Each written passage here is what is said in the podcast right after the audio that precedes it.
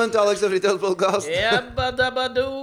Doserkekt, doserkekt. Jeg koser meg med noen glovarme ostelomper, og Alexander hører på Barbara Ann. A Beach Boys. Er det Jeg har hørt- Barbara Ann? Barbara Ann, ja. Jeg trodde lenge at det var bare en sånn bam, bam, boom, bam, bam, bam. Trodde du det? Ja, at det Trodde ikke du at var en Brian sånn- Wilson bare liksom slang i hop noe Det er vel det som er Er det ikke det som sies om musikere, har jeg hørt fra deg? Mm. At hvis det er sånn at du ikke har noe tekst, det er da du synger la, la, la. Hvis Jo, men La La La er én ting. Men altså når Chuck Berry synger wap, babaloo, balaboo, bamboo Det er jo på en måte Det er innafor. han coina en phrase. Ja. En, uh, Wap, babom, bam, barbara. ja, ja, Det er litt samme greia. Er det ikke i uh, litt sånn Chuck Berry-tradisjon å drive og synge om Altså at Beach Boys da er synger om Chuck sånn Berry. Det er jo ikke Chuck Berry som synger wap, babalooba. Nei, det er, er hva er Det er- heter Li- Little. Richard. Men Little Richard Ja, er for faen. Nei, men altså jeg, jeg, jeg Chuck Berry er mer sånn Driving along in my automobile. My lady beside me at the wheel I suck my dick on and lick my balls Nei, nei. Vi kan jo ikke begynne Altså, skal vi begynne her altså i dag med litt um, matstøy fra Du har mye isbergsalat på de der ostelompene dine. De er veldig og gode. vi toucher innom uh, Beach Boys, Brian Wilsons er mesterverk, mange- Det er Mm. sikkert mange som ikke er så bevandret i ostelompeverden. Jeg er jo det. Ja. Mm. Så hvis du har lyst til å lage dette selv, skal jeg nå komme med en liten oppskrift. Alle. Hy kakebok nylansering hybris kalles akkurat dette her. Nei, altså Hvis Gaute Grøtta Grav kan gi ut en singel om hvordan man lager knekkebrød, så kan jeg si i min egen podkast hvordan man lager ostelomper. Handler knekkebrødlåta til Gaute om oppskriften på Det er en oppskrift på Det er utelukkende De Lillo som får lov å lage sånne låter. Altså, de har vel én låt som dreier seg om hvordan man lager en fiskesuppe. Men der kjøper jeg det, for det er liksom Det er litt som om jeg kjøper Awapambo av Little Richard. Så kjøper jeg den naive approachen til tekster fra Lars Lillo. Men det Jeg mener jo generelt at sangmediet ikke er egnet for oppskrift. Altså Enten det er hvordan man lager en sang, Alexander Rybak Rock'n'roll, fiskeball, kjøttkaker og fårikål er kanskje ikke en er ikke en oppskrift, det er en opprams. Ja, det er mer middager. Ja. Verken hvordan man lager sang, knekkebrød eller da fiskesuppe. Jeg tenker Oppi dette her så avskriver du på en måte sangers oppdragende effekt. Det kan du ikke gjøre. Ja, men det er, oppskrift er jo ikke oppdragende. Det er jo det. det er jo det samme som, altså, kakeboka di er da oppdragende i kakebakingens vidunderverden. Ja, Da vil jeg ja, påstå er også at eh, ja. man kan musisere uh, Musisere det, da. Kan man ikke det? Jo, men det er ikke et egnet medium. Det er, til, det, er, det er din mening. For det første, du, det er ikke sånn 'Nå skal jeg lage knekkebrød'. Hvor er? Opp, opp med Spotify. Opp Ja. med Gaute sin Og så må du stå klar, da, for du må rekke før første refreng. Og Men er ferdig dette, med altså, sånn, det er jo det samme som Knausgård, som skrev tre sider om hvordan han smørte på smør og salami på skiva si.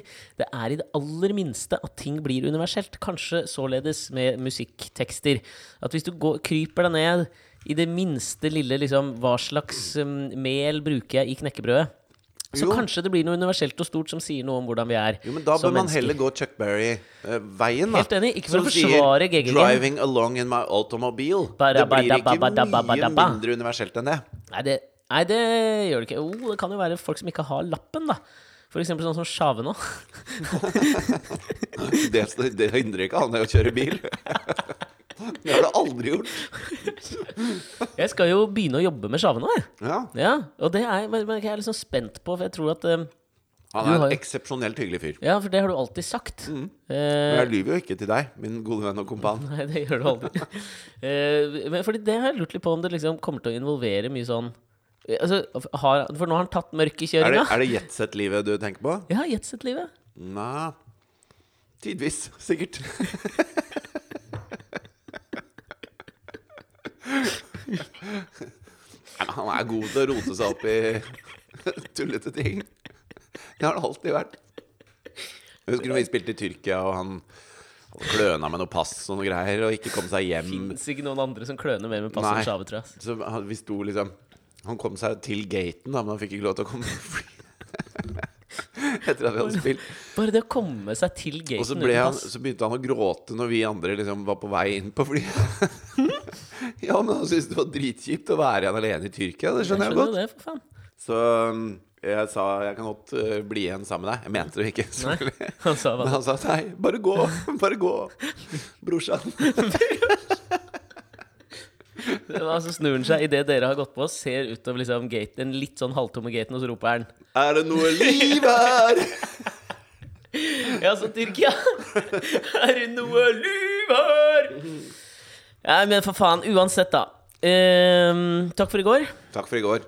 Veldig hyggelig. Det var eh, I går var vi på eh, lansering av din eh, kakebok, 'Fridtjofs frekke fristelser'. det er så mange inntrykk. Det er veldig ofte at vi på en måte opplever ting sammen, og så har, har vi kanskje hver for oss tid til å prosessere det før vi liksom skal sette oss ned og eventuelt prate om det i en podkast. Ei så i dag. jeg vet det. For at du på en måte gikk rett fra en dårlig pizza på Grønland jeg, og hit. Eh, så det er veldig sånn rått for meg fortsatt. Men det er jo selvfølgelig noen eh, opplevelser som har eh, etset seg fast på netthinnen min. Altså, jeg syns at for boklanseringer å være mm. Hvor jeg- mange har du vært på?! En null. Dette er min første. Men etter hva jeg har hørt, så var det en vellykket en. Ja, jeg ble overraska over eh, hvor mye folk det var. Så det skal du Men det var jo litt sånn, litt sånn Jeg snakket med din søster Eline, som jobber i forlagsbransjen. Ja. Og hun sa jo det at uh, så lenge det er noe gratis kake, så kommer det folk, liksom. Og da følte jeg det var litt sånn småslemt sagt, da, på en måte. ja, men det er nok ærlig. altså, det er nok de riktig. forsvant bra fort, de kakene, da. At det var mye Det var høy kake per hode-ratio. Men uansett, det var liksom et par ting som eh, jeg hadde lyst til å pra- prate litt om fra denne kvelden, da. Ja. Uh, og det første var at uh, jeg skulle jo bokbade deg. Og for første gang i eh, livet så så jeg en, en greie som skjedde med deg, som jeg liksom aldri har helt sett før. Ok. Eh, og det var at eh, det var jo ganske mange folk der, og så skulle vi liksom sitte på et lite pod podium Ja. foran alle. ja. En scene, tror jeg de kaller det på Cappelen Dam. Ja, det, kan, med all respekt for Cappelen Dam, som jeg fikk blomster av, de var veldig hyggelige og alt mulig, Ja. men det var en sorry excuse for en scene. Ja, det var mer en slags terrasse. Du føler at det, en Ja. terrasse er akkurat så mye oppbygd. Det tenker jeg også. Ja. Men, Et trappetrinn. Ja, og et ganske lavt Ja, et liksom. Du vet de trappene som har litt for lave og litt for dype trinn? Ja, så det blir utrolig Sånn du, Du ser gå, så teit ut ikke klarer ikke bestemme deg om du skal gå sånn, sånne der sjumilssteg, eller om du skal ikke. gå sånn trippete du, du velger vel den trippete Jeg går alltid trippete. Men så har jeg en sånn tanke i huet mitt om at jeg blir mindre sliten hvis jeg tar sjumilsstega. Men det er jo den samme mengden uh, liksom, meter over havet jeg beveger meg, så jeg kan ikke skjønne hvorfor jeg blir mindre sliten av det. Jo, men det går jo færre skritt. Ja, men jeg tar jo, tar jo lengre skritt. Det må jo kreve mer strekk i muskler, liksom. Ja, det gjør det helt sikkert. Nå har jo jeg rimelig sterk kjernemuskulatur, da, så det trenger det er jo sjelden noe problem.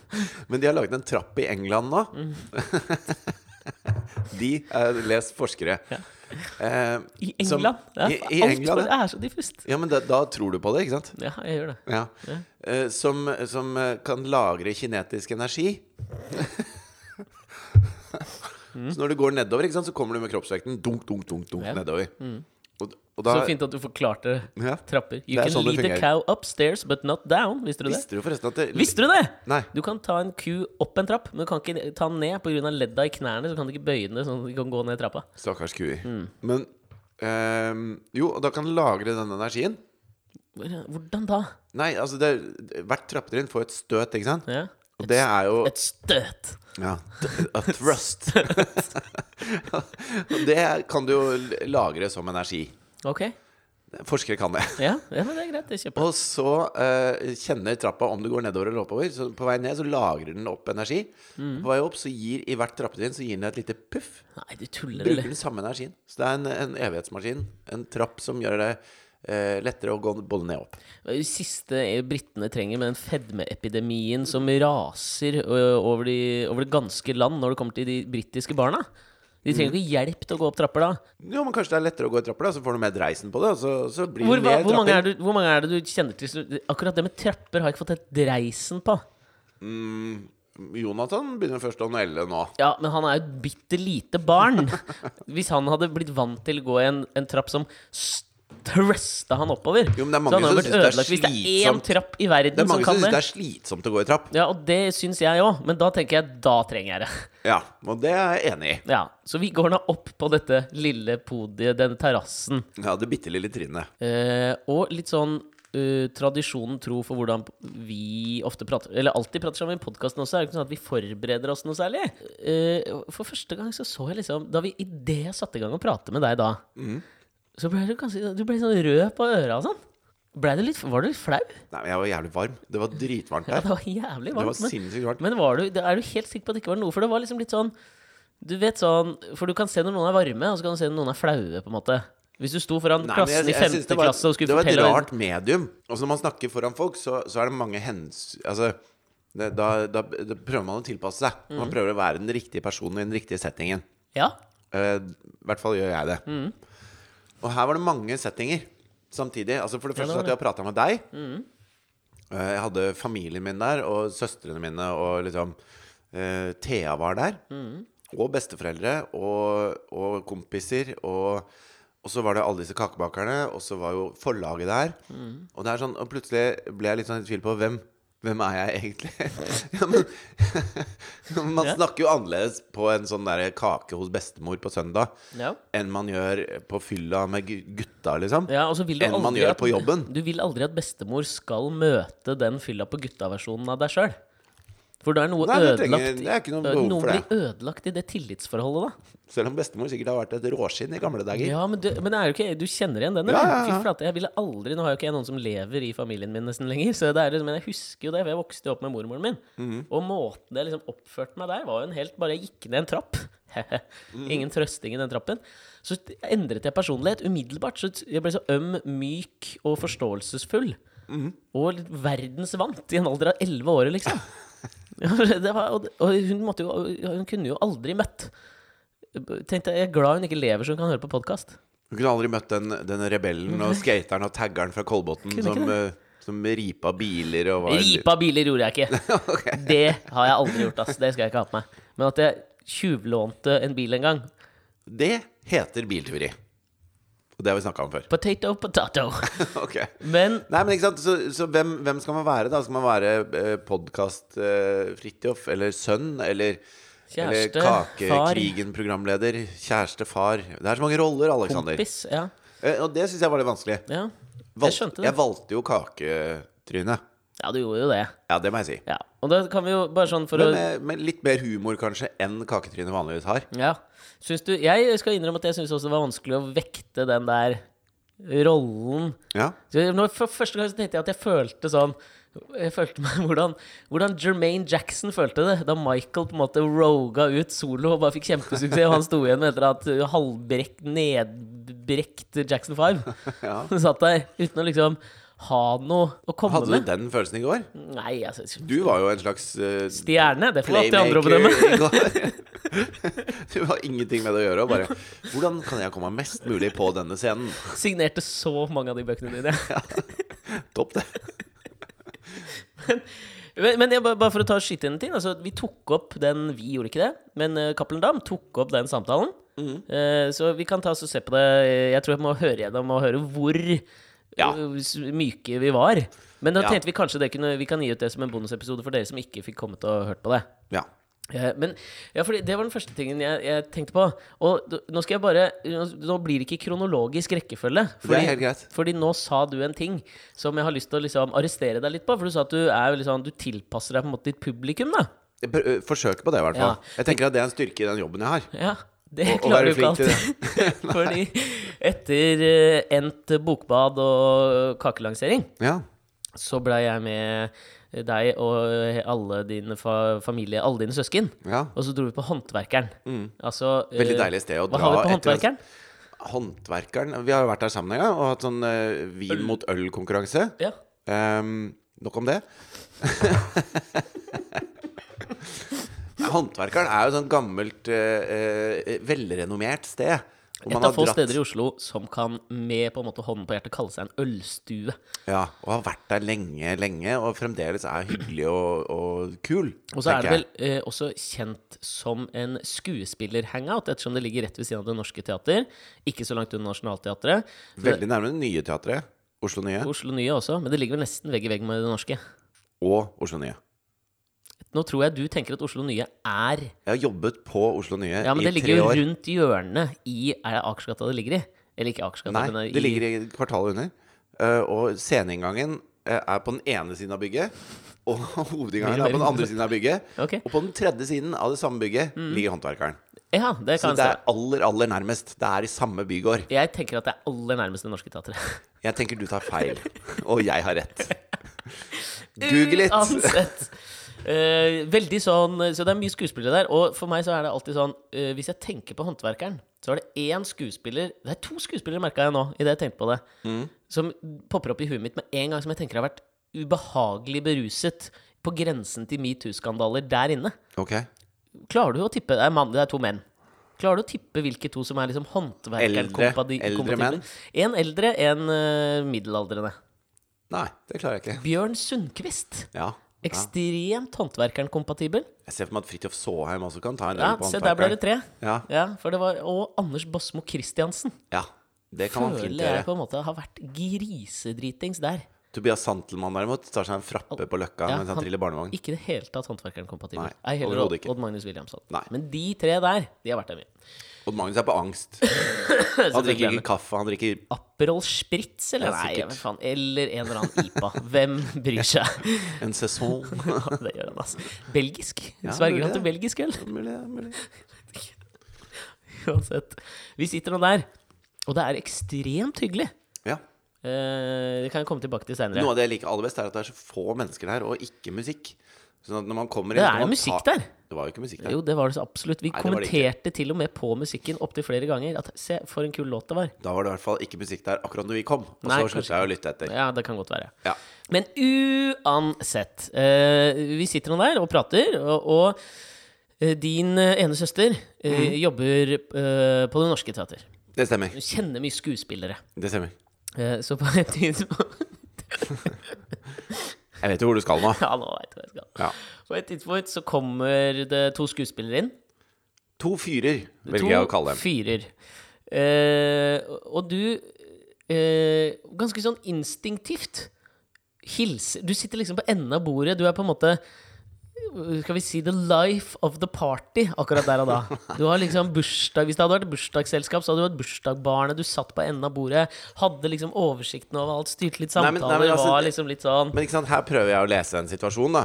Uh, Ja. Så når de to gutta kommer inn, så sier da min søster hei. Ja. Og så uh, du- har de et åpent og blidt blikk over bordet Ja. og sier hei uh, på en måte som er liksom Vi kjenner vel hverandre, type hei. ja.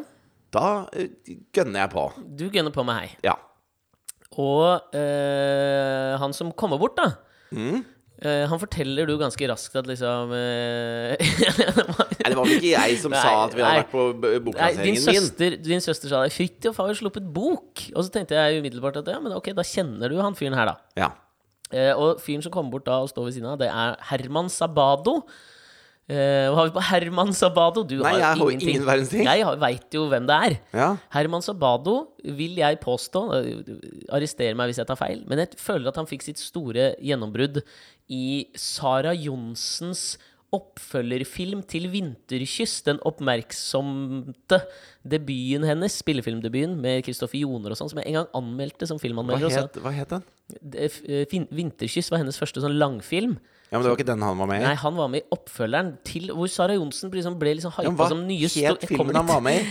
Eh, som nye store kvinnelige filmskaperen i Norge. Så hun da lagde Upperdog, en slags liksom sånn romantisk-aktig komedie hvor han spilte. Vant jævlig mange Amanda-priser i Skal vi tippe 2010. Ok. Han vant ikke for beste mannlige skuespiller der. Nei.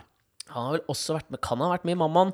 Kan han ha spilt uh, på forskjellige teaterscener rundt omkring? Ofte uh, uh, figurert på sånn Mest sexy menn-lister. Da Ah. han på en måte var up and coming og i vinden. Ja. Han kommer da bort. ja. Det vil jeg på. ja men han var, han var litt interessert i boka mi, følte jeg. Det følte Altså her, fordi her tenker jeg at her bomma du. Ja. Situasjonsmessig. Her bomma du. Rett, det er mange ganger du er god.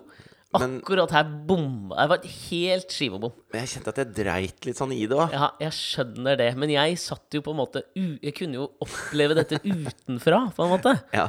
For kompisen hans skjønte jo at her var det ugler i mosen, og bare 'jeg skal på do'. Men Ja. han Herman, pliktskyldig og hyggelig, Veldig hyggelig. kommer bort og liksom 'Fader, grattis med bok', liksom. Og jeg ser jo at han tenker 'ikke kakebok'. Nei, nei. For det første han spør, ja, hva, hva heter boka, liksom? Og du, du smeller opp boka, bong på bordet, liksom. Det er kakebok. min andre søster drar opp boka Ja, okay, da og sier her kan du se. Jeg liker at du bare Du legger alle disse hendelsene på mine skuldre. Ja, men sånn opplevde jeg det. Jo, men jeg Ikke sant? Litt, litt av det som er greia når du lager en kakebok, da, Mm. er at da, da er du kakebokfyren. Og det må du være. Det må du det tørre må du. å være. Og jeg tør å være det. Absolutt! Og jeg tør å være stolt av at jeg har laget en kakebok. Og det syns jeg du har all grunn til å være. Ja. Det bare Også overfor en sabado. er bare akkurat i denne situasjonen så eskalerte det jo videre derfra. Ja, jeg vet det, fordi at han begynte å snakke om uh, jeg han, tror jeg begynte å snakke om det. Skal jeg, jeg Nei, skal, han leste vel opp en blurb av Lars Lian. Ja, gjorde han det, ja? Altså, vi Han- har jo pratet mye om det- blurbs, Ja. men det er jo da når noen andre skriver noe fint om boka på boka. På bokas omslag. For da står han med boka i hånda, og så kikker han på den, og så står det på forsiden så, står det, så sier Lars Lian dette er eh, bakeboka alle bakeglade eh, både bør og skal ha, eller et eller annet sånt. Og så spør han hvem er Mm. Eller Lars Lian? sånt. Dette kan du jo rett og slett. Nei, det var ikke så ordrett. Men uansett, da, så, så spør han hvem er Lars Lian? Og så eh, forklarer jeg hvem Lars Dian er. Mm. Og så eh, Så snur jeg boka rundt, hvor det er flere blurbs.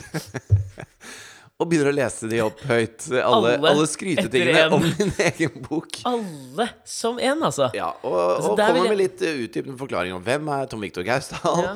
Her er kommer en av Ole Martin Alfsen. Du kjenner han kanskje som han kokken på Firestjerners Sluppet masse bra film. Han er jo utrolig dyktig. Han har faktisk skrevet en blurb. Du satt opp blurbsene, Ja. Og, og så ble du på et tidspunkt der, og dette vet jeg Så ble jeg flau halvveis. Ja, fordi at da, da dykket du ned i boka, på en måte, og leste veldig i boka. Ja. Og da fikk jo ikke du med deg hva som skjedde. Hva skjedde da? For da står Altså, du sitter på enden av bordet, så han står liksom Og så sitter jeg ved siden Dreit av deg. Dreit han meg ut? Ja, men Ja, det gjorde han jo. Okay. Ok. Eh, og da tenkte jeg Da ble jeg litt irritert på han. Ok. Det skal jeg ærlig innrømme. Men så tenkte jeg dette er ikke et, eh, et forum for å på en måte ta noen Hva på det skjedde mens jeg satt og leste i boka mi? Nei, fordi det som skjer da, er jo at uh, jeg sitter jo rett ved siden av, og han står på en måte mellom oss to. Ja. Og er fram til da veldig hyggelig og, og liksom virker interessert og Men uh, samtidig så kan man jo se når folk liksom er litt sånn Skal jeg innrømme, Han var litt høflig interessert, og Ja. han lette etter en out. ja. Det, det gjorde han jo. Og det dreit jeg i. Det dreit du. Og det var mange blurbs. ja. Det tok litt tid, liksom. Ja, litt tid. Ja. Men det er fine blurbs, da. Ja, det Blurbsene er ingenting å si på. Nei. Har du skrevet dem sjøl? Nei. Ok. Så Det ene utropstegnet har jeg satt på sjøl. Ole Martin Alfsen. Ja. Det fortalte du om, altså. Ja, det husker jeg. Så du kan tenke dere da liksom hvor nøye, vi, hva, hvor nøye du var med blurbsene når du fortalte om tegnsettingen i blurbsen. Jo, men da var vi inne i blurb Da snakka vi om blurbs, da. Så på et tidspunkt, da liksom i blurb 6 Så, Ja. Det er så bare fire blurbs, da, men Ja, for si deg blurb- var det sikkert Ja, ok. Si blurb 3, da. Ja. Så ser jeg at han liksom begynner å flakke litt med blikket. Ja. For du er så inn i boka. Altså Du sitter og leser opp. Men jeg leser jo ikke bare opp for han. Jeg leser jo opp for Jeg er jo ved bordet med Ja. min familie og venner. Men på en måte det er jo han som har initiert blurb-omanien rundt bordet. Ja. Det var han, ikke samtaleemne før Herman Sabado dukket opp, liksom. Nei, han var en enabler. Eh, Absolutt. Ja. Og uh, da på et tidspunkt da, rundt Blurb 3 så, så ser jeg at han liksom tar, strekker seg ned i lomma, og så tar han opp mobilen sin, og så holder han den bak ryggen din, så du ikke skal se. Og så står han bare og ser på mobilen sin mens du leser de siste blurbsene, og driver og leser og svarer på en tekstmelding og litt sånn. Og Gjør akkurat idet du er ferdig, så liksom vipper han ned telefonen din, og bare Å ja, faen, grattis, da. Ja, lykke til. Ha det, vi ses på Jokeren. Ja, det er sant. Så, men det kan komme tilbake til, for jeg tenkte at det var litt respektløst. Jo, men jeg var jo litt dust, da. Jeg leste opp fra min egen bok Jo, men høyt. altså, Nå var jeg jo kanskje litt hard, for jeg mener at du feiltolka den situasjonen. Men når han først står der, så kan han faen meg Så god tid har han. Ja du står ikke og banker noen på døra og sier 'kom inn på musicalprøven til Engler i Amerika' akkurat nå! Er han ikke med på Engler i Amerika? Ja, det var derfor jeg tenkte han skulle på prøver. Jeg vet faen, jeg. Ja, men de, er vel, de har vel forestillinger, da? Ja, men da var han jo ferdig med forestilling. Det er sikkert Ja. derfor han skulle få ut adrenalin gjennom god bajør! Jeg vet ikke. Han er så-kompatibel type, altså. Meget. Men ehm, eh, Og det som var så gøy, det var at det, jeg visste jo at hele denne her saken her hadde foregått uten at du visste hvem han var.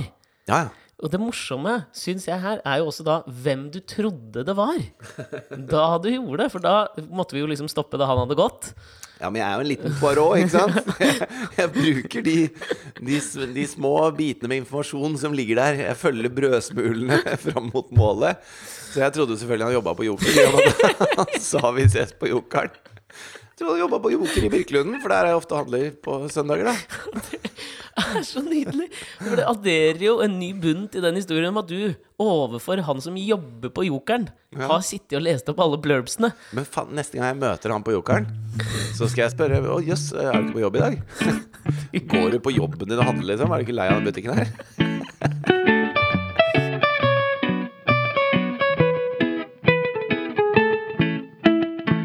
Men en annen ting som jeg tenkte på i går, som jeg liksom aldri har eh, registrert før Litt fordi at jeg liksom aldri har Jeg har aldri liksom vært sammen med så stor del av din familie. Du har aldri brydd deg så fælt?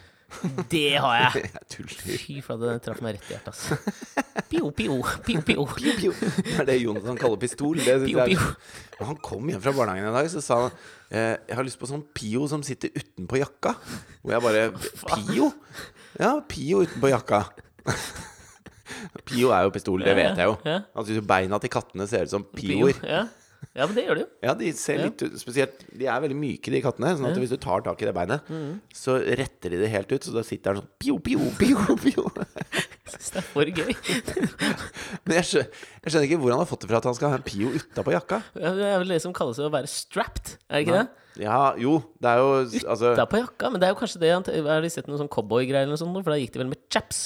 Og utapå chapsene så hadde de jo pistolbeltet sitt. Ja, og i sånne stater hvor det er open carry, så går det jo med pioene synlig. Jeg tror ikke han er liksom oppdatert på open carry-stater, ass. Nei, men altså, vi har en ganske restriktiv pio-lovgivning i Norge. Ja? Det er ikke sånn at Gud og hvermannsen går rundt med hver sin pio, liksom. Nei, det er det ikke. Eh, så jeg bare lurer på hvor han har det fra.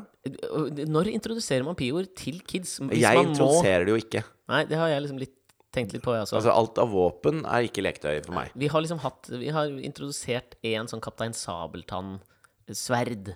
Nei, sverd driver jeg heller ikke med. Men det ble heldigvis ikke liksom Det ble ikke brukt, så da har jeg bare rydda det bort. Ja. Jeg syns ikke det høres kanskje fisefint ut, altså, Og så er det jo Altså, vannpio er jo gøy. Vannpio er dritfett. Men det er jo så mange vannpioer som ikke ser ut som en pio. Vi har en vannpio som er en delfin, og da tenker jeg det er ikke en pio. Nei, ikke sant? Eller du kan få de som bare er en sånn skumgummistang, på en måte, hvor du drar og dytter. Eh, det er jo en kjempepio. Nesten en bazooka-pio. ja, den funker jo dritbra. I pio-verden med vann er jo den Rolls-Roycen innen Ja, det er, det er Rolls-Roycen i pio. Ja. Men det, for meg så ble dette en slags rød tråd eh, gjennom en ellers En litt, kanskje litt sånn eh, melankolsk rød tråd gjennom en ellers veldig trivelig kveld. Og det var da din familie kom, på en måte alle sammen sammen, og dere var så jævlig mange, og så dro vi ut med alle søsknene dine, som jeg liksom ikke har vært sammen før, og så var de så innmari hyggelige alle sammen. Og så merka jeg at jeg føler Det kommer til å høres mørkt og trist ut, ass. Men det er sjelden jeg har følt meg så ensom og alene som akkurat i går. Fordi du ikke har stor familie. Ja, eller fordi jeg ikke har noen sånn Jeg har jo noen familie, på en måte. Men jeg har jo, det er jo et eller annet spesielt, merka jeg i går, med søsken. Å ha en stor søskenflokk. Fordi dere hadde på en måte så jævlig sånn Når vi satt og prata der, så hadde dere alle disse felles referansene fra barndommen av, fra de formative årene som har brent seg fast, og gjort dere til den, eller de, da, dere er i dag.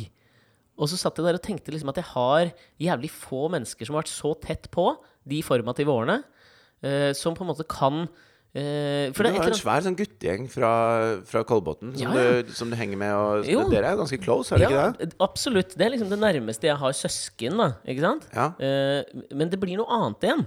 Fordi det er jo et eller annet med det der når man eh, For meg så er det noe av det liksom nydeligste som skjedde den kvelden. Det er en av de kveldene jeg har prata minst. Mm. Og liksom følte meg mer som en slags eh, em, følelsesmessig svamp. Ja. At jeg bare liksom tok inn og tok inn og tok inn, og så ble det mørkere og mørkere på innsida. Liksom. Hullet bare vokste jo mer du fylte på det, liksom. Okay. Um, for det var et eller annet med det der Ting som skjer hjemme, er noe helt annet enn Det er, jo liksom ref disse personene man er. Altså Er man en annen person med kompisgjengen enn man er sammen med søsknene og foreldrene sine? Ja, absolutt.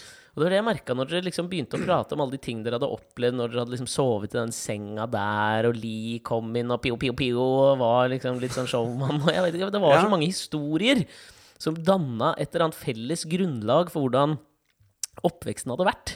Og så er det jo sånn, man kan, man kan jo bli så god venn eh, Altså, man kan bli ekstremt gode venner med venner. Og komme veldig, veldig nær og være Altså være usminket og ærlig og åpen med venner om absolutt alt, på en måte. Eh, men det er, noe, det er noe sånn fullstendig betingelsesløst i det med et søskenforhold. Ja. Som er at eh, Ikke det at man tar stilling til om hvorvidt man skal fortsette å være venn med den personen Nei. eller ikke. Uh, men med søsken så er det på en måte De bare er der, hvis Mm. du skjønner. Ja, fordi det, det er et jævla godt poeng, tenker jeg. Fordi overfor venner også, ubevisst eller bevisst, så vurderer du jo hele tiden om du skal fortsette å være venner med dem. Altså, nå sier jeg ikke at du liksom sånn tar opp en sånn Men Ja, alle ja, små valg det, men, men, Ja, men alle små valg du gjør, er jo liksom sånn Skal jeg ringe den kompisen nå? Det er et valg du tar. ja. Men det valget trenger du ikke gjøre med en, eh, en søsken. Et søsken. Et søsken, ja. Et søsken. In- Innsjøsjøen. Ja, for der, de, de er jo der.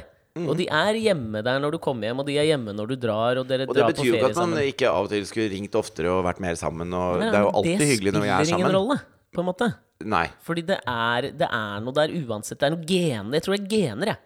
Koker ned til noe med gener. Ja ikke? Nå gjetter jo jeg, ettersom jeg ikke har det.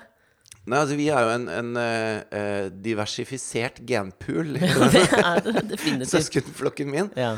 Eh, så jeg, jeg vet ikke om det er så mye gen... Jeg tror det er mer Jeg tror det er mer det at eh, Altså, Sånn som da pappa gifta seg med Marianne, så eh, hadde hun Andre kone? eh, tre, Tredje kone. Tredje kone. Eh, så hadde hun fem barn fra før. Og da er det jo ikke noen gener involvert. Eh, og, og noen av de var jo altså De er jo forskjellige aldre, på en måte. Sånn at jeg, jeg har jo ikke bodd sammen med dem. Men allikevel så, så, så er det sånn Ok, enten så eh, er vi søsken Altså da, da Det er ikke noe valg man tar om man skal være søsken eller ikke, på en måte. Men da er det sånn Ok, eh, nå er det sånn. Og da, da, da bare er det sånn. Og det forandrer hvordan man tilnærmer seg hele eh, vennskapet og forholdet, da, på en måte. Men det som var så rart å se, uh, syns jeg, da Mm. I går kom jeg liksom eh, enda litt tettere på eh, fire av dine søstre. Ja. Eh, eh, Eline, Marte Emilie, Kitty og Jannicke. Ja. Ja. Og det som jeg syns var så utrolig rart Men nå vet jeg ikke om jeg tar helt feil, om jeg, eller jeg liksom tolket for mye inn i alt, da, ettersom jeg liksom det mørke hullet bare grodde seg større og større der. Eh, men så Men jeg visste ikke at du satt og hadde en, en sånn opplevelse den kvelden. Ja, men det var jo helt nydelig på ett okay. nivå, liksom. Det, Ja. det jeg føler det er to tanker i hodet samtidig. Så jeg har aldri vært så misunnelig på deg noensinne som akkurat der og da. Ja. Eh, og samtidig liksom tenkte sånn Fy faen, så utrolig flott. Og liksom sånn Fy Livet. Weltschmerz, Ja. liksom. ja. Men det som jeg syntes var så rart, var at jeg følte at liksom sånn eh, At jeg kunne brekke av en bit av alle de fire søstrene, som på en måte blei deg. Så har, har du noensinne tenkt på det sjøl, at dere ligner ganske bra på hverandre? Uten, og det er jo mange av dere som ikke er liksom sånn ekte ja Marte Emilie og. Eline er jo bare stesøsken. Ja, det var det jeg syns. Det er jo så rart.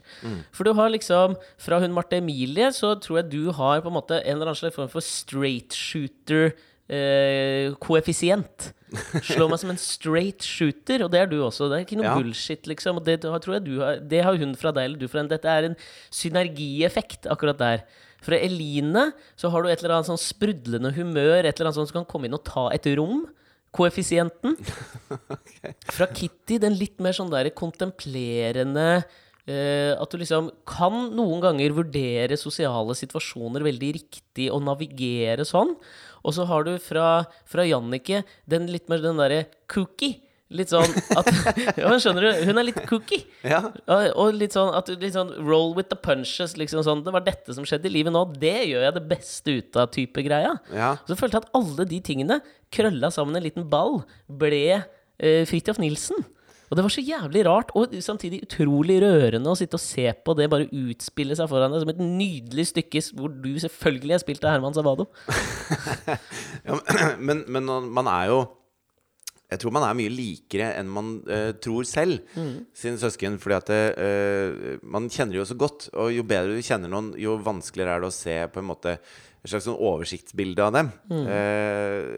jeg- jeg tror man blir ganske forma av både tid og sted og foreldre og hverandre og sånn på måter man ikke helt selv har kontroll over, da. Ja, absolutt. Du trenger en sykt god observatør innimellom som kan sitte som en flue på veggen og bare plukke det opp.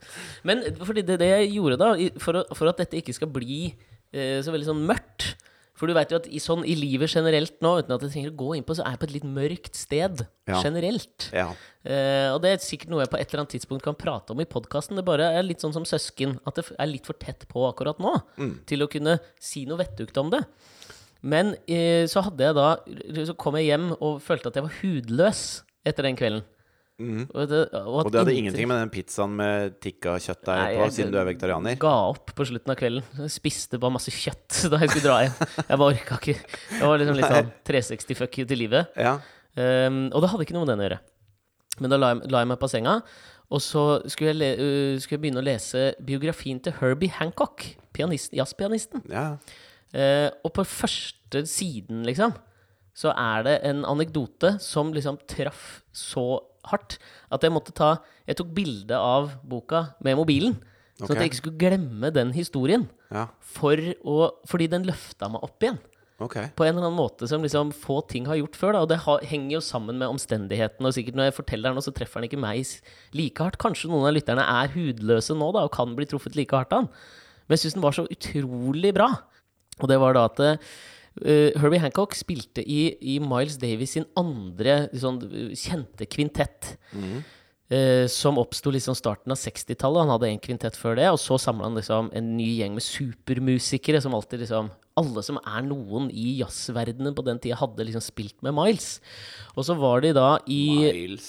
Miles, jeg veit jeg hørte det jeg sa det. Han spilte med Miles. Faen. Det er så håndverkeren-prat.